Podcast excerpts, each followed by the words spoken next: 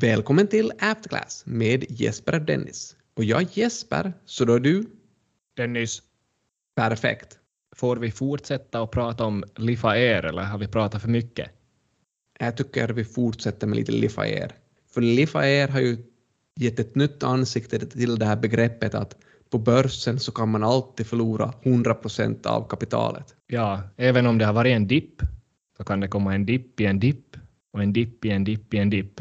Så det är lite Inception-tänk, tycker jag. Ja, om det är Inception eller inte så blir det svårt att svara på, men åtminstone så fortsätter de här dipparna och dipparna för Lifair. Så vi fick ju en rapport här 15.9 och det var då för första halvåret 2022. Så då, de är en sån här halvårsvis rapporterare. Ja, en av de knappt 30 stycken som vi har på den här finländska börsen.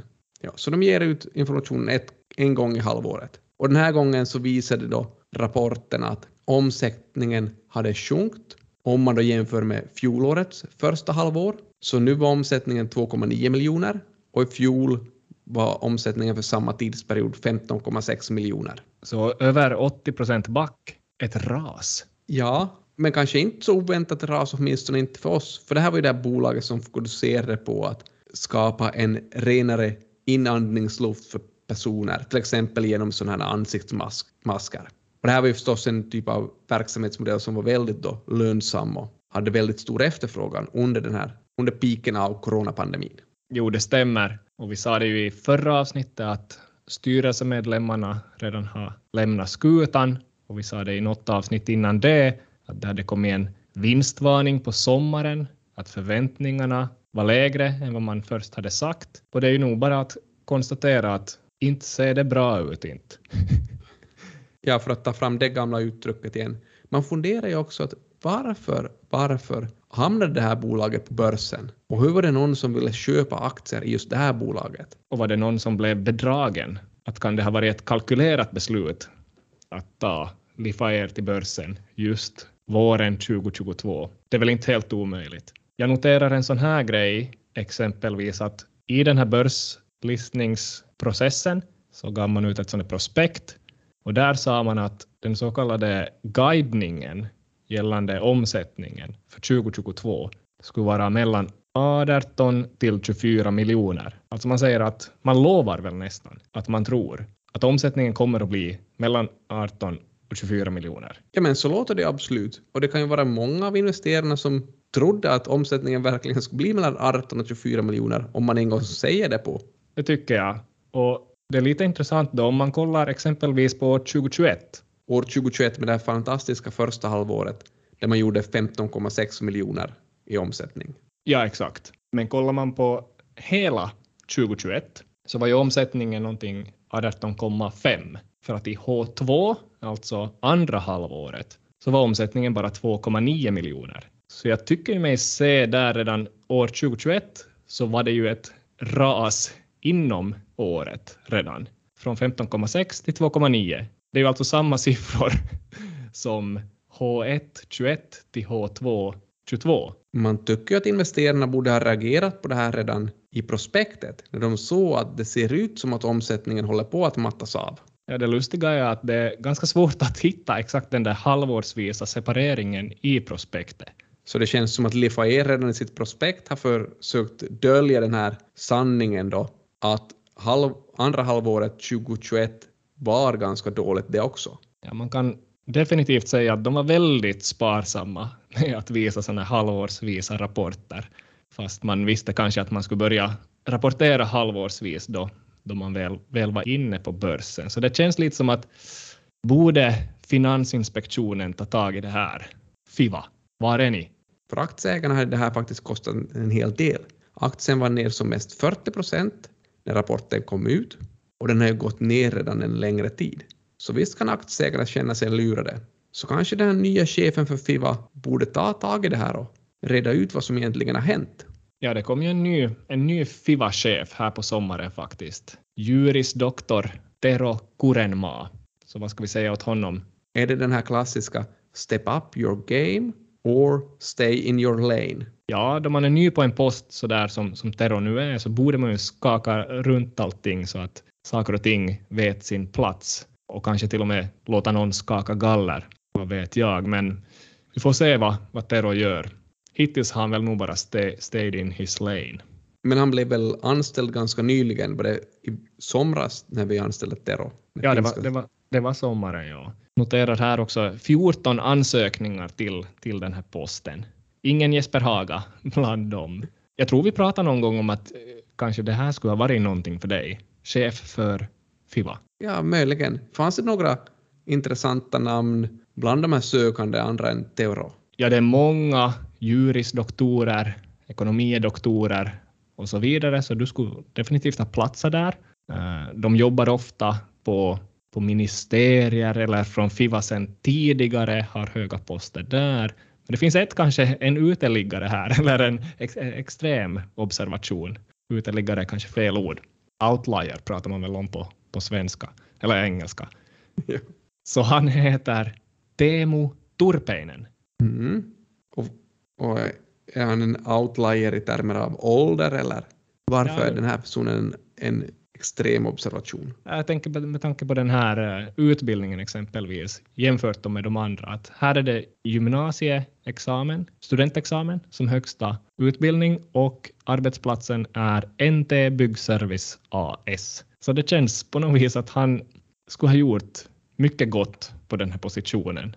Han skulle, tror jag, tagit tag i Lifair.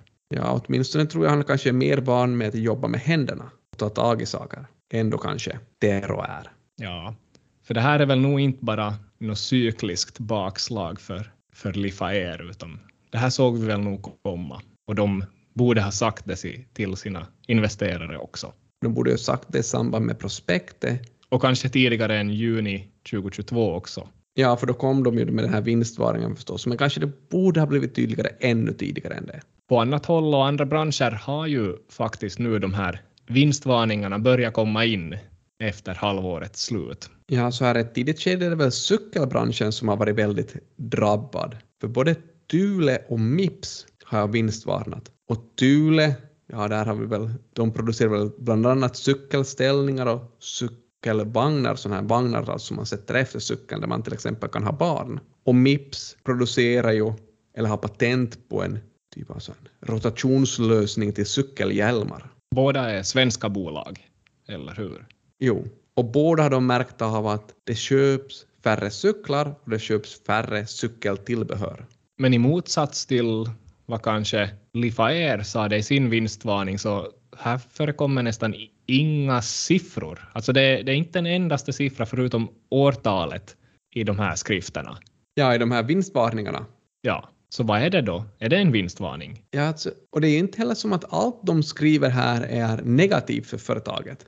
Utan till exempel om vi tittar på vad Thule skrev, så de skrev att det rör sig om en kortsiktig inbromsning i cykelbranschen. Och det här då, det är ju fyndigt i och för sig. Inbromsning. Ja.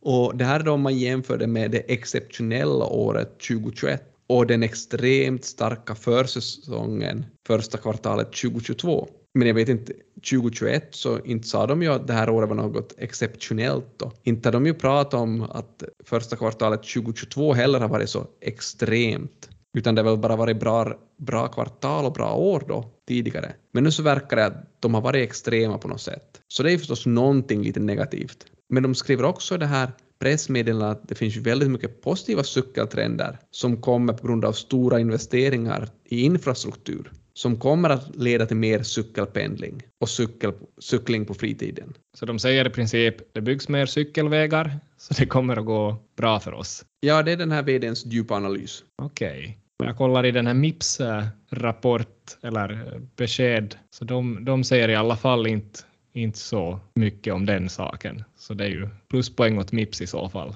Men, då, men hur var det, hade Mips några siffror i sin resultatvarning eller vinstvarning? Ja, 2022.